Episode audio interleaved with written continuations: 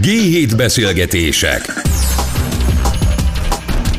László Pállal Ez itt a G7 Podcast, én László Pál vagyok, és a mai vendégeink a GLL Hungary-től Virsing Péter, bérbeadási vezető, és Agócs Balázs. Workplace Strategy Director angolul, magyarul inkább azt mondanám, hogy munkakörnyezeti stratégiával. És akkor szerintem meg is hogy nagyjából miről beszélünk. Arról beszélünk, hogy szeretünk-e egyáltalán bejárni dolgozni, és hogyan néz ki az irodapiac Magyarországon, meg úgy egyébként globálisan. És hogy azt gondolom, hogy kezdhetnénk onnan, hogy a Covid az hogyan változtatta meg ezt a piacot, és hogy most, hogy lecsengett a járvány tulajdonképpen, illetve hát nyára nem biztos, hogy előjön újra, hogy mik az irányok, hogy mit lehet tudni erről az egészről. Hát azt gondolom, hogy alapjaiban alakította át a, a, az életünket, nekünk is, mint tanácsadóknak, de, de gyakorlatilag a munkavállalóknak is a, az elmúlt két év.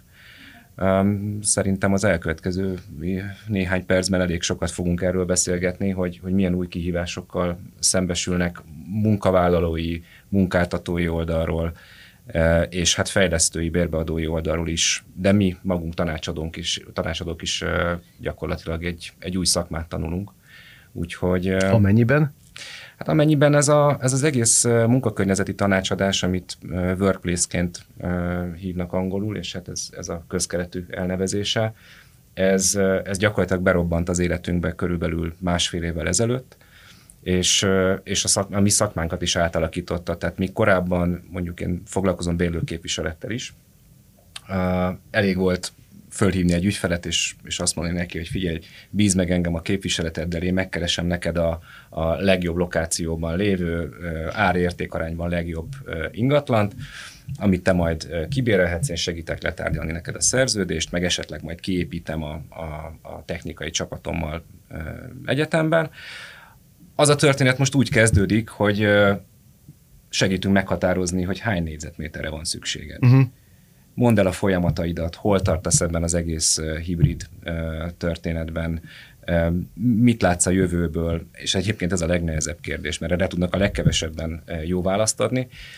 A mi feladatunk az, hogy, hogy, hogy globális cégként tisztában vagyunk a, a trendekkel, és igyekszünk fölismerni azokat a, a törvényszerűségeket, amit az adott cég szektora, vagy, vagy, vagy munkavégzési stílusa magában hordoz, és, és tanácsot adni abban, hogy, hogy mi az, amire készüljenek, mi az, amire számíthatnak. Uh-huh.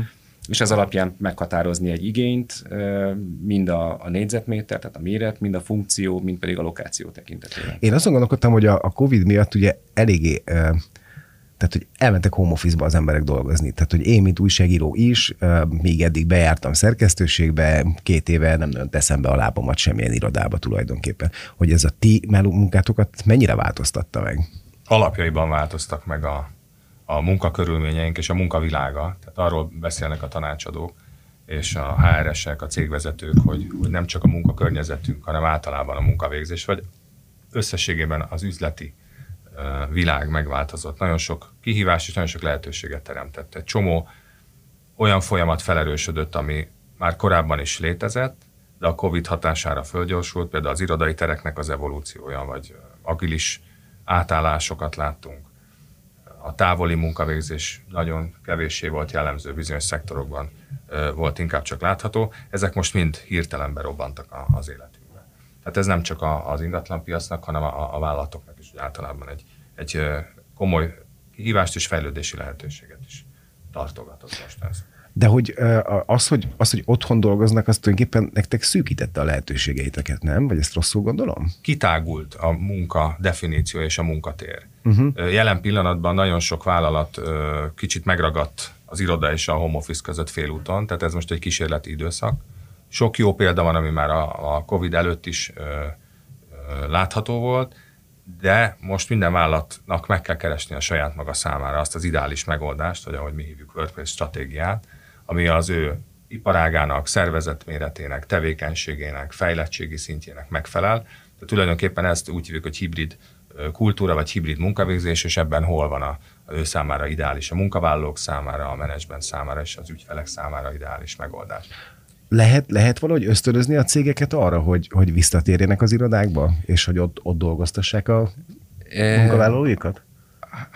Hát inkább, inkább talán nem is Tehát, hogy a cégeket kell ösztönözni. De másik a- kérdezem, mennyire végleges ez az állapot? Tehát, hogy ez Na. a hibrid állapot, amiről beszélünk, ez mennyire végleges? Egyáltalán. Igen, egyáltalán nem egyrészt. Másrészt az előző kérdésedre kicsit még reagálva, szóval azért ott ö, 2020 március-április a környékén, amikor, amikor láttuk, hogy mi történik, és hogy egyik pillanatról a másikra gyakorlatilag a, a dolgozók 90%-a hazaköltözött, és, és otthonról végezte a, a munkáját, akkor hát nyilván nekünk is megfordult a fejünkben, hogy, hogy új szakma után kéne nézni, tehát hogy ennek az egész iroda történetnek, meg, meg bérbeadás történetnek vége van. Azóta eltelt két év, és, és azt látjuk, hogy, hogy nem, hogy nem ért véget a, a, az iroda bérbeadás és a, az irodai munkavégzés, hanem, hanem teljesen átalakult, és, és egy, egy globális cégként egyébként, csak hogy konkrétumokról is beszéljünk, uh-huh. mi, mi a világ 85 országában vagyunk jelen, és minden évben végzünk egy munkavállalói elégedettségi felmérést, és hát az a szerencsés helyzet van, hogy ugye most már két éve eltelt a, a, a, a Covid-válságból, reméljük, hogy most már aztán nem is lesz egy harmadik, ezt majd persze meglátjuk, de vannak 2020-as, tehát a Covid elejére vonatkozó felmérésből származó számaink, és vannak 21-es számaink, és az idei évben is lesz ennek folytatása.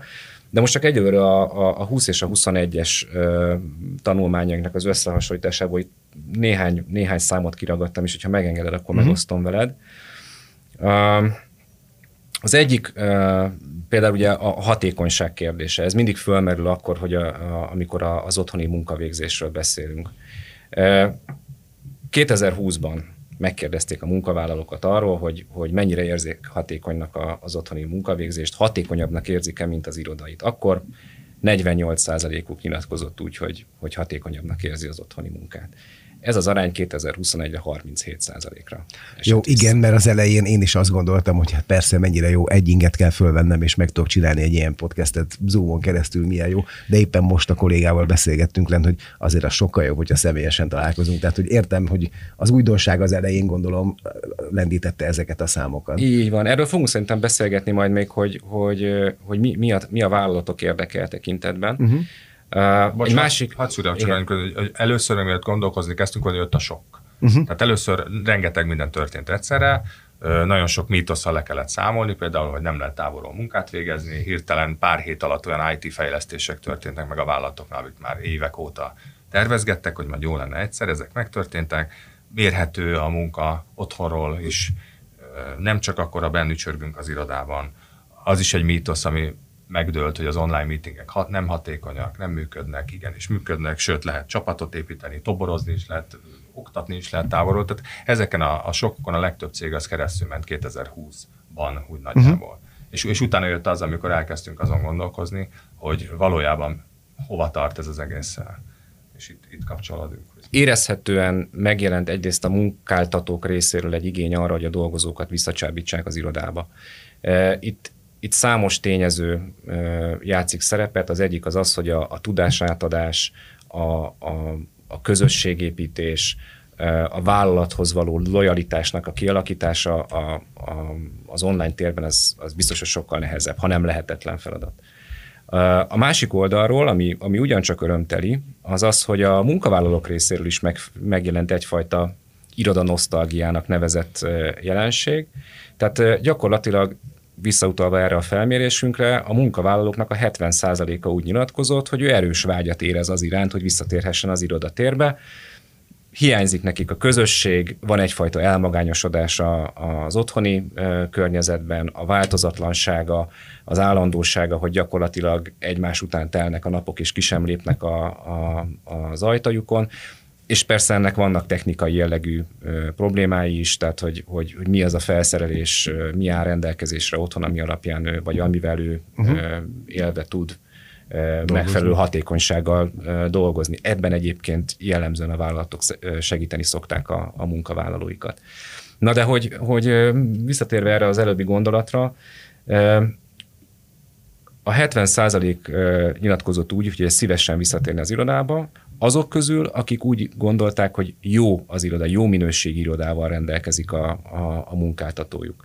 Ez a szám azoknál, akik korábban elégedetlenek voltak az irodájukkal, az 5 százalék. Hát ez nagyjából adja magát. Tehát. E, vagyis uh, itt, itt van egy... Van Tehát egy... vagyis az van, hogyha cégem van, akkor, csinál, akkor jó irodába dolgoztassam a munkavállalóimat, és akkor ők akarnak Különben nem jönnek dolgozni. vissza. Igen, Így pontosan. És ennek a másik lába az az, hogy korábban 63% volt elégedett az irodaterülettel, ez pedig lecsökkent 47 ra Tehát, hogy itt van egyfajta edukációs folyamat is. A dolgozók fölismerték azt, hogy mi az, amit hiányolnak a, az irodákban, E, és hál' Istennek ezt egyre jobban artikulálják, tehát hogy, hogy látszik, hogy a munkavállalók, munkáltatói oldalon is elindult ez a fajta e, folyamat, hogy, hogy megkérdezik a dolgozókat, mi az, amire szükségük van. E, Ezt tovább gyűrűzik ugye a fejlesztői oldalra, ahol pedig, ahol pedig igyekeznek ezeknek az igényeknek megfelelni. Tehát a, a jó hír az, hogy egyre jobb és jobb irodákban tudunk és fogunk majd dolgozni, amik reflektálnak azokra a változó igényekre, amiket itt a pandémia magával hozott. Jó, de kicsit akkor konkretizáljuk, tehát hogy azt meg tudjátok-e nekem mondani, hogy miben tud versenyképesebb lenni egy iroda a home office-nál. Tehát ezért az mégiscsak elég kényelmes, hogy otthon ülök a saját kanapémon, az elmagányosodást hozzászámolva, mindent hozzászámolva, azért az, azért az egy jó dolog, hogy nekem nem kell minden nap tömegközlekednem, és a többi. Tehát miben tud versenyképes tenni a home office szemben az iroda, ha már sikerült ledönteni ezeket a tabukat, amiről az előtt beszéltünk. Igen, talán egy pici történelmi visszatekintés. Ugye lassan most már 200 évre tekint vissza az, az iroda, mint, mint intézmény. Uh-huh. És eredetleg ugye egy administratív helyszín volt, de ahogy aztán egyre több értékteremtés jött létre az irodában, mondjuk már a múlt századnak a második felében, és ez egy olyan történelmi trend, hogy az irodában dolgozók, ez, a work, ez az office-based employmentnek hívják, ez egy folyamatosan nő. Tehát lehet itt home office, lehet bármilyen trend, lehet bármilyen világkatasztrófa, az, hogy egyre többen dolgoznak valamilyen szellemi tevékenységet végezve, ülve, és jellemzően irodában, ez egy, ez egy töretlen trend, és szerintem ez így is fog maradni. Uh-huh. Az, hogy ez hol van ez a helyszín, és mit nevezünk irodának, az változott meg. És egyébként a Covid előtt emiatt, a nagy növekedés miatt az irodák egyre zsúfoltabbá váltak, és egyre kevésbé voltak alkalmasak értékteremtésre. Tehát az iroda ez egy zavaró, zsúfolt hely volt. És tulajdonképpen a Covid kiengedte ezt a szellemet a palaszból, mert föltűnt az, hogy az emberek itt nem érzik jól magukat, hiszen nem nagyon akartak bejönni, és nagyon örültek. Egyik tényező, nem kell utazni. Igen. Másik tényező, ugye az irodában nem tudok dolgozni, mert folyamatos zsizsi van körülöttem, nagy egylégterű irodákban. Én megörülök ezektől az egylégterű irodáktól, mert nekem olyan a szakmám is, hogy nekem koncentrálnom kell egy bizonyos dologra, de én amikor ezt elkezdték bevezetni az én szakmámban, egyszerűen azt éreztem, hogy megörülök, hogy nem lehet így dolgozni. Tehát tökre értem, miről beszélsz. Úgyhogy erre rájöttek a vállalatok, és akkor elkezdtek ebben a szűk és korlátozott irodatérben bizonyos jobbító intézkedéseket uh-huh. végrehajtani, amit az emberek majd jobban érzik magukat. Ez a klasszikus babzsák csocsóasztal korszak, ahol megint talán az IT szektorját elő nagyon jó és hatékony megoldások születtek, máshol inkább látványosan kevésbé produktív megoldásokat szült ez a gondolkodás. És amikor kitört a Covid, akkor hirtelen az emberek eltűntek, és azon kezdtek a cégek gondolkozni, oké, okay, akkor most tulajdonképpen mit csináljunk az irodával. És itt igazán ketté vált a piac, és erről a Peti tudta jobban beszélni, hogy voltak olyan vállalatok, akik azt gondoltak, hogy egyáltalán nincs rá szükség, voltak, akik ragaszkodtak hozzá, hogy visszahozzák az embereket, és a kettő között tulajdonképpen valahol ott van a megoldás, amiről még szerintem fogunk most. Igen. Volt nekünk egy mantránk egyébként még így a, a, a válság előtt, vagy a COVID, a, a COVID előtt, ugye azt mondtuk, hogy uh, olyan irodákat kell uh, fejleszteni, olyan irodákat kell bérbeadnunk, amik az otthoni kényelmet biztosítják, biztosítják a, dolgozók számára. Na ez most annyiban változott, hogy hogy ahhoz, hogy vissza tudjuk csábítani a dolgozókat az irodaterületekre, jobbat kell, többet kell nyújtanunk, mint amit, amit otthon kapnak. Ez hívta például felszínre a, ezt a velminősítési rendszert, ami egy, egy viszonylag új történet, de, de láthatóan egyre több és több irodaház minősíteti a, a, a területeit. Ez tulajdonképpen a, a dolgozói jólét, talán így lehet a, a legjobban lefordítani, re, re tekintettel határoz meg bizonyos, bizonyos elvárásokat, minek kell megfelelni a, a, az irodatérnek. Mondasz nekem néhány példát? Hogyne. Ez egyrészt, ez egyrészt technikai kérdéseket vet föl, elsősorban a friss levegő, uh-huh. ami, ami mindig egy, egy nagyon fontos kérdés. Nem is annyira az új fejlesztéseknél, mint inkább a, a régebbi épületeknél. Mi az, amit a, a, az ottani berendezések biztosítani tudnak másrészt a hőmérséklet, fényviszonyok, és, és ugyanakkor pedig olyan... Design. Design, így van. Uh-huh. Olyan, olyan kiegészítő szolgáltatások, amik, amik tulajdonképpen az egészség, a dolgozói egészséghez tudnak hozzájárulni. Itt gondolok a, az egészséges ételekre, arra, hogy az irodaházban legyen kondi lehetőség. Uh-huh. Futópad, vagy valami. Aha. Testmozgás. Egyre több irodaház tetején jelennek meg ezek a futópályák, amik, amik hát jópofa e, e, extra szolgáltatásai tudnak lenni egy-egy épületnek. És, és hát, hát azt látjuk, hogy ez, ez gyakorlatilag az újabb fejlesztéseknél már egy alapkövetelmény. Erre odafigyelnek egyébként a, a befektetési alapok is, tehát a fejlesztőknek is túl azon, hogy ez, ez jellemzően azért extra befektetést igényel, tehát egy jó épületüzemeltetési rendszert is feltételez ez a történet. Ezt, ezt egyre inkább hajlandóak megfizetni a, a, a befektetők is. Tehát ez, ez hál' Istennek most már kezd beépülni a rendszerbe. És ugyanezt látjuk egyébként most legújabban, és ez, ez a, az elmúlt fél év, egy évnek a, a, a terméke, a, az úgynevezett ESG és az ehhez kapcsolódó minősítések, ez ugye az Environment Social Governance, ami gyakorlatilag az épület fenntarthatóságával foglalkozik, karbonlábnyom. Ugye uh-huh. tudjuk, hogy, hogy gyakorlatilag minden országnak, de minden vállalatnak is vannak bizonyos vállalásai, hogy, hogy igyekeznek a, a karbonlábnyomukat csökkenteni, és általában igényként merül most már föl a, a bérlők oldaláról az, hogy egy-egy épület, jellemzően az új fejlesztések, de a régieknél is, hogy, hogy ezeknek a kritériumoknak megfeleljen, és hogy segítse a vállalatot ezeknek a céloknak az elérésében. És megint csak azt lehet mondani, hogy a, a végső befektetői oldalról pedig e, hajlandóak a befektetők prémiumot fizetni az olyan épületekért, amik e, ezeknek a, az elvárásoknak megfelelnek, mert egy idő után várhatóan nem lesz bérbeadható, és nem lesz értékesíthető e, az irodaépület ezek nélkül, a, a minősítések nélkül. Az Egyesült Államokban a tavalyi évben, csak a második fél évben a McKinsey kutatása szerint több mint 20 millió munkavállaló mondott föl. Uh-huh. És nem tudják a vállalatok, hogy mi történik, hogy miért történt ez. El is nevezték nagy felmondási hullámnak, és ö, ö, elkezdték kutatni, és ö, a, ez szerint a kutatás szerint, és a JLL-nek saját kutatása is vannak ezzel kapcsolatban, összefüggés van a között, hogy az emberek hogyan érzik magukat a munkahelyükön, és a munkakörnyezetnek. Ezt eddig is tudtuk, nyilván az, hogy otthonról kezdtek dolgozni, ez fölerősítette ezeket az igényeket. Ugye beszéltünk már a fizikai egészségről, kényelmes szék, stb. Nagyon sok munkaadó adott is hozzájárulást a munkavállalóinak, hogy az otthoni home office munkakörnyezetüket kényelmesen berendezzék. Ugye a mentális egészség is előtérbe került, korábban is hallottunk már az irodában a székről leforduló túlterhelt munkatársakról, de most ezzel foglalkoznak a munkaadók.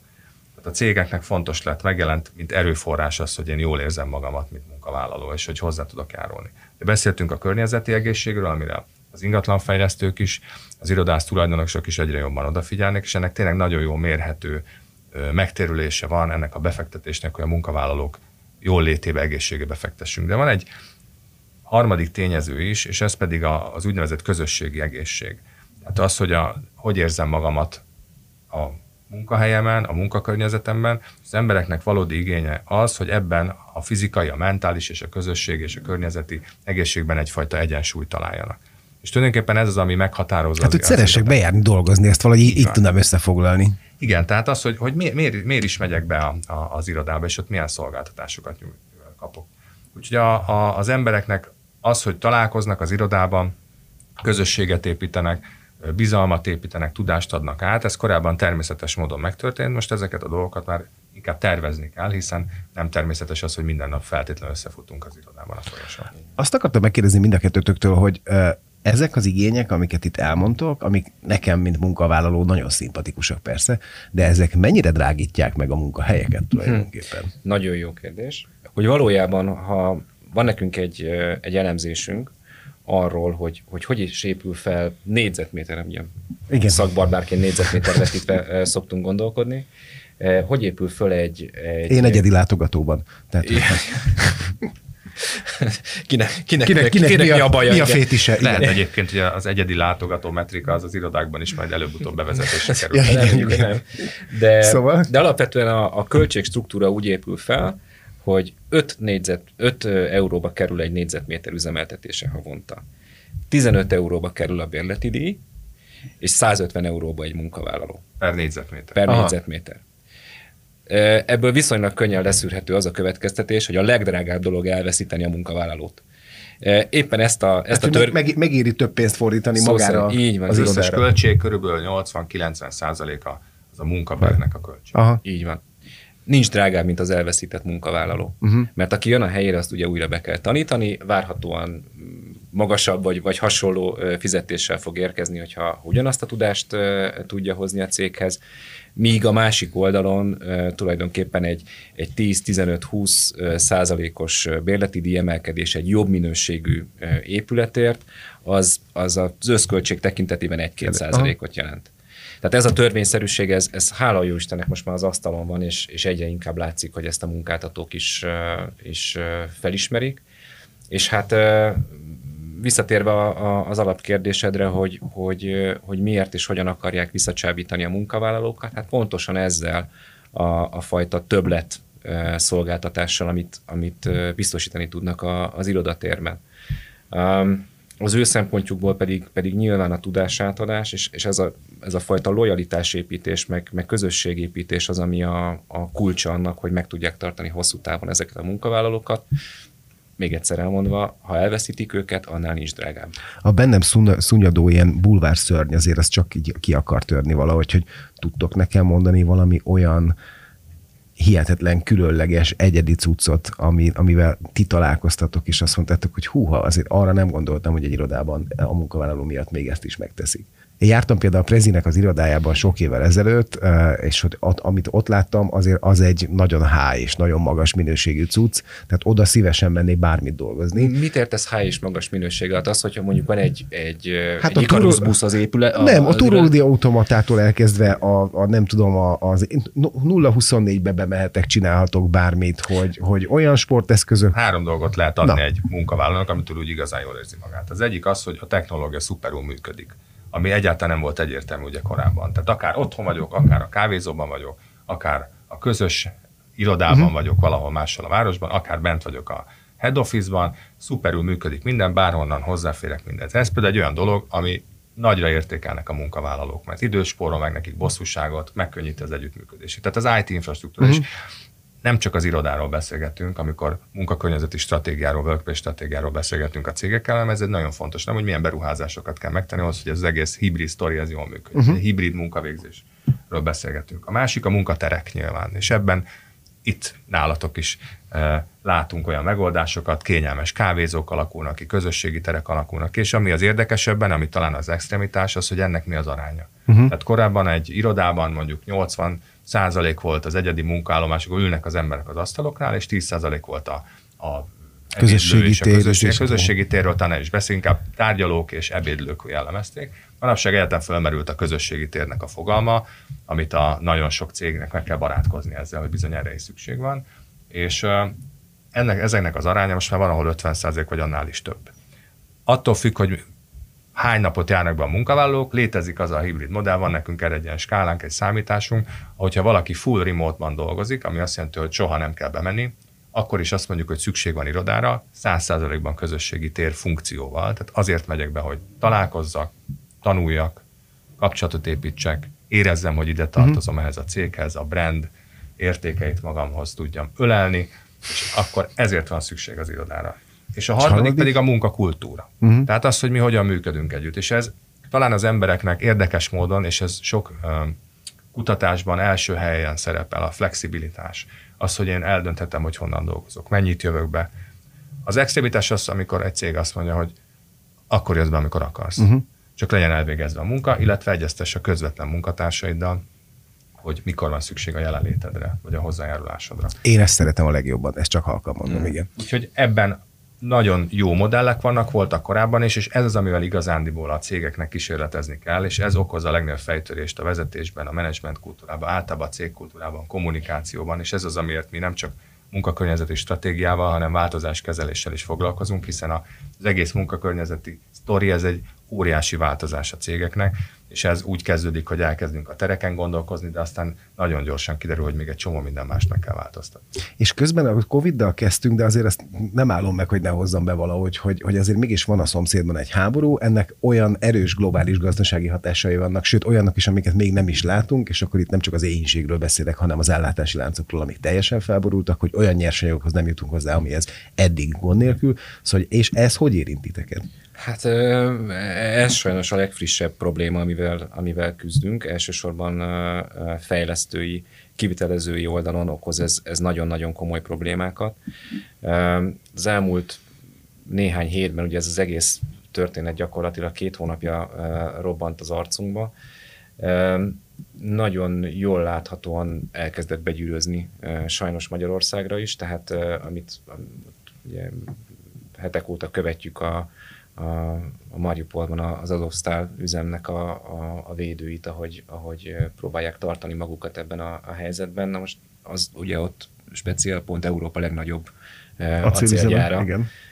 Az várhatóan a következő négy-öt évben nem nagyon fogja ontani magából a, a, a gerendákat, és hát ez, ez nyilvánvalóan nagyon komoly hatással van a, a, az építőiparra. Tehát vagy nem lehet beszerezni ezeket a, a, az alkatrészeket, vagy, vagy nyilván időben és, és árban beláthatatlan uh-huh. korrekciók lépnek föl. Tehát sajnos azt kell mondani, hogy, hogy látunk most már olyan példákat, amikor egy, egy hosszabb ideje tartó szerződés egyeztetéskor egész egyszerűen egyik nap megjelenik a, a bérbeadó, és azt mondja, hogy ne haragudjatok, nem tudom tartani a korábbi árvállalásomat, vagy nem tudom tartani a, a, az átadási időpontot, mert egész egyszerűen az a helyzet, hogy nem jutok hozzá bizonyos alkatrészekhez, nyersanyagokhoz. Úgyhogy, úgyhogy ez most a, a, a legfrissebb probléma, amivel küzdünk.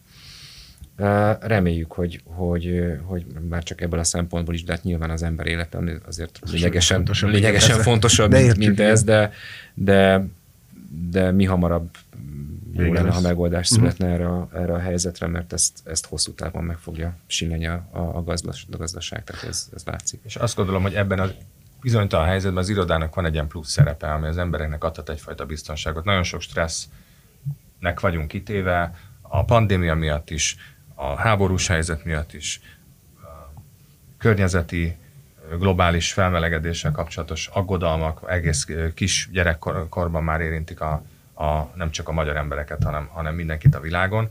És az, hogy, hogy egy közösséghez tartozom, be tudok menni a munkahelyemre, és ott ezeket, ezekről a kérdésekről tudunk egyáltalán, itt is most az interjú előtt erről beszélgettünk egy kicsikét, hogy, hogy milyen, milyen az aktuális helyzet, és ez mennyire érint minket.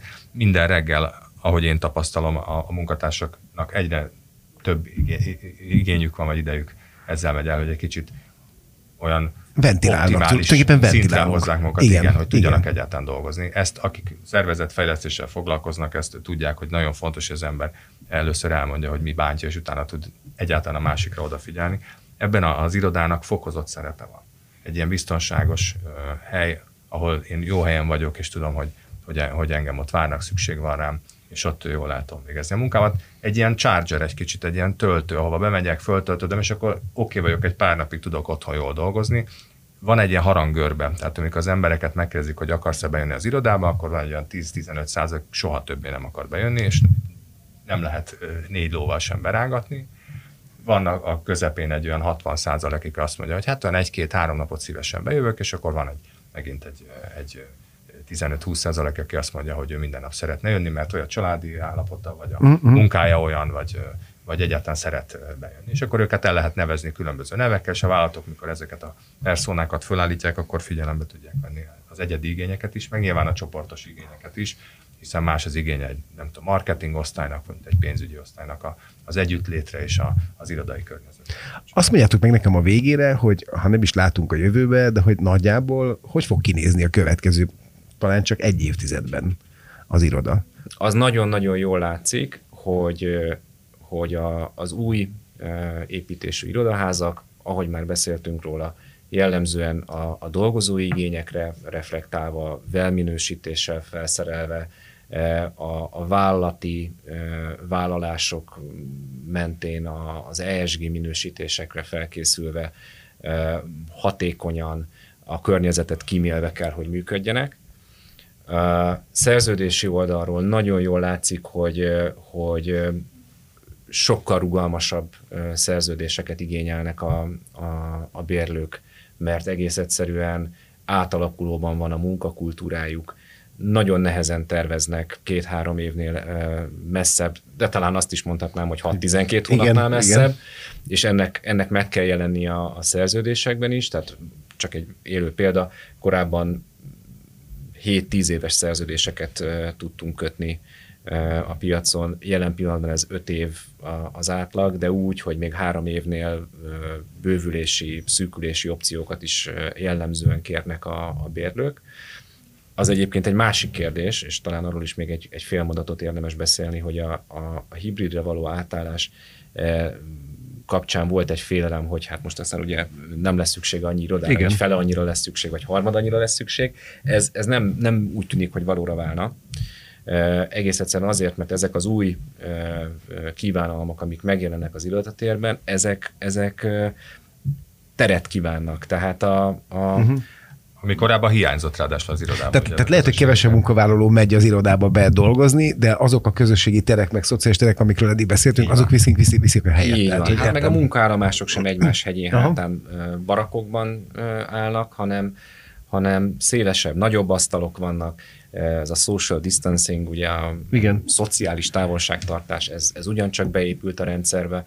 Tehát azt látjuk, hogy, hogy inkább, ha, ha csökkent is az irodaterület igénye egy adott cégnek, akkor az, az valahol a 10-20 százalék környékén van, de mindenképpen szeretik megtartani azt a lehetőséget, hogy két-három év múlva bővülhessenek. Ez részben a, a normál üzletmenet kapcsán, tehát bíznak abban, hogy, hogy növekedni fognak, részben pedig azért, mert, mert látják azt, hogy, hogy nincs egyenes arányban a bejáró dolgozók száma az igényelt terület nagyságával. Tehát, hogy ez, ez így nem leválasztható, hogy most akkor 60%-ban ment egy adott napon, akkor 60%-kal kevesebb irodaterületre van. Én a következő évben is azt gondolom, hogy egy kísérletezés időszakát fogjuk még élni. Az már látszik, hogy stratégiai kérdésé vált a munkakörnyezet és az iroda is. Tehát egy erőforrásként jelenik meg, amit igyekeznek a vállalatok okosan használni, és nem a költség oldalát nézik, hanem a, a lehetőséget látják benne. Egy rövid sztori, 2020-ban végeztünk egy workplace kutatást, és most ránéztünk, hogy mi újság van. Azóta az irodát átépítették, de már a munkatársaknak egy jelentős része nem azt csinálja, nem is ők vannak ott. Valójában a kérdés az, hogy mennyire tud rugalmassá válni egy vállalat, és nyilván ennek van egy, egy, egy irodai, vagy ingatlanos, vagy akár szerződéses rugalmassága is, de van egy szervezeti rugalmasság igénye is, tehát ez a fajta tanulási képesség, ez az, ami, ami kell, hogy növekedjen a vállalatoknál. Az irodával kapcsolatban egy picit az a víziónk, hogy, hogy olyan lesz, mint egy színház, mint egy színpad. Minden nap más darabot játszanak, mindig más színészek jönnek, a Nagyon büfé, szép kép. A büfében már a, a, egy új darabról beszélgetnek, és a gyúró meg a fáradt Rómeót gyúrja, aki elfáradta a balkonnak a megmászásába. Tehát, tehát, és ehhez kell egy infrastruktúra, Aha. nem csak informatikai, hanem új funkciók jönnek létre, a WordPress Manager megjelent, ennek a, ennek a színpadnak a folyamatos mozgatása és, és rendezése, ez egy, ez egy újfajta szerepeket is, és újfajta együttműködéseket is igényel. Egyébként mindenki részéről. Tehát azért beszélünk és hangsúlyozzuk az ingatlan fejlesztőknek és tulajdonosoknak a szerepét. Az ő részékről is most egy új gondolkodásban vagyunk, mert nagyon sok előremutató együttműködésünk van, nem csak a bérlőkkel, hanem a bérbeadói oldalon is. Én köszönöm mind a kettőtöknek, hogy itt voltatok ma nálunk. Ez volt a G7 Podcast. Szevasztok! Köszönjük szépen!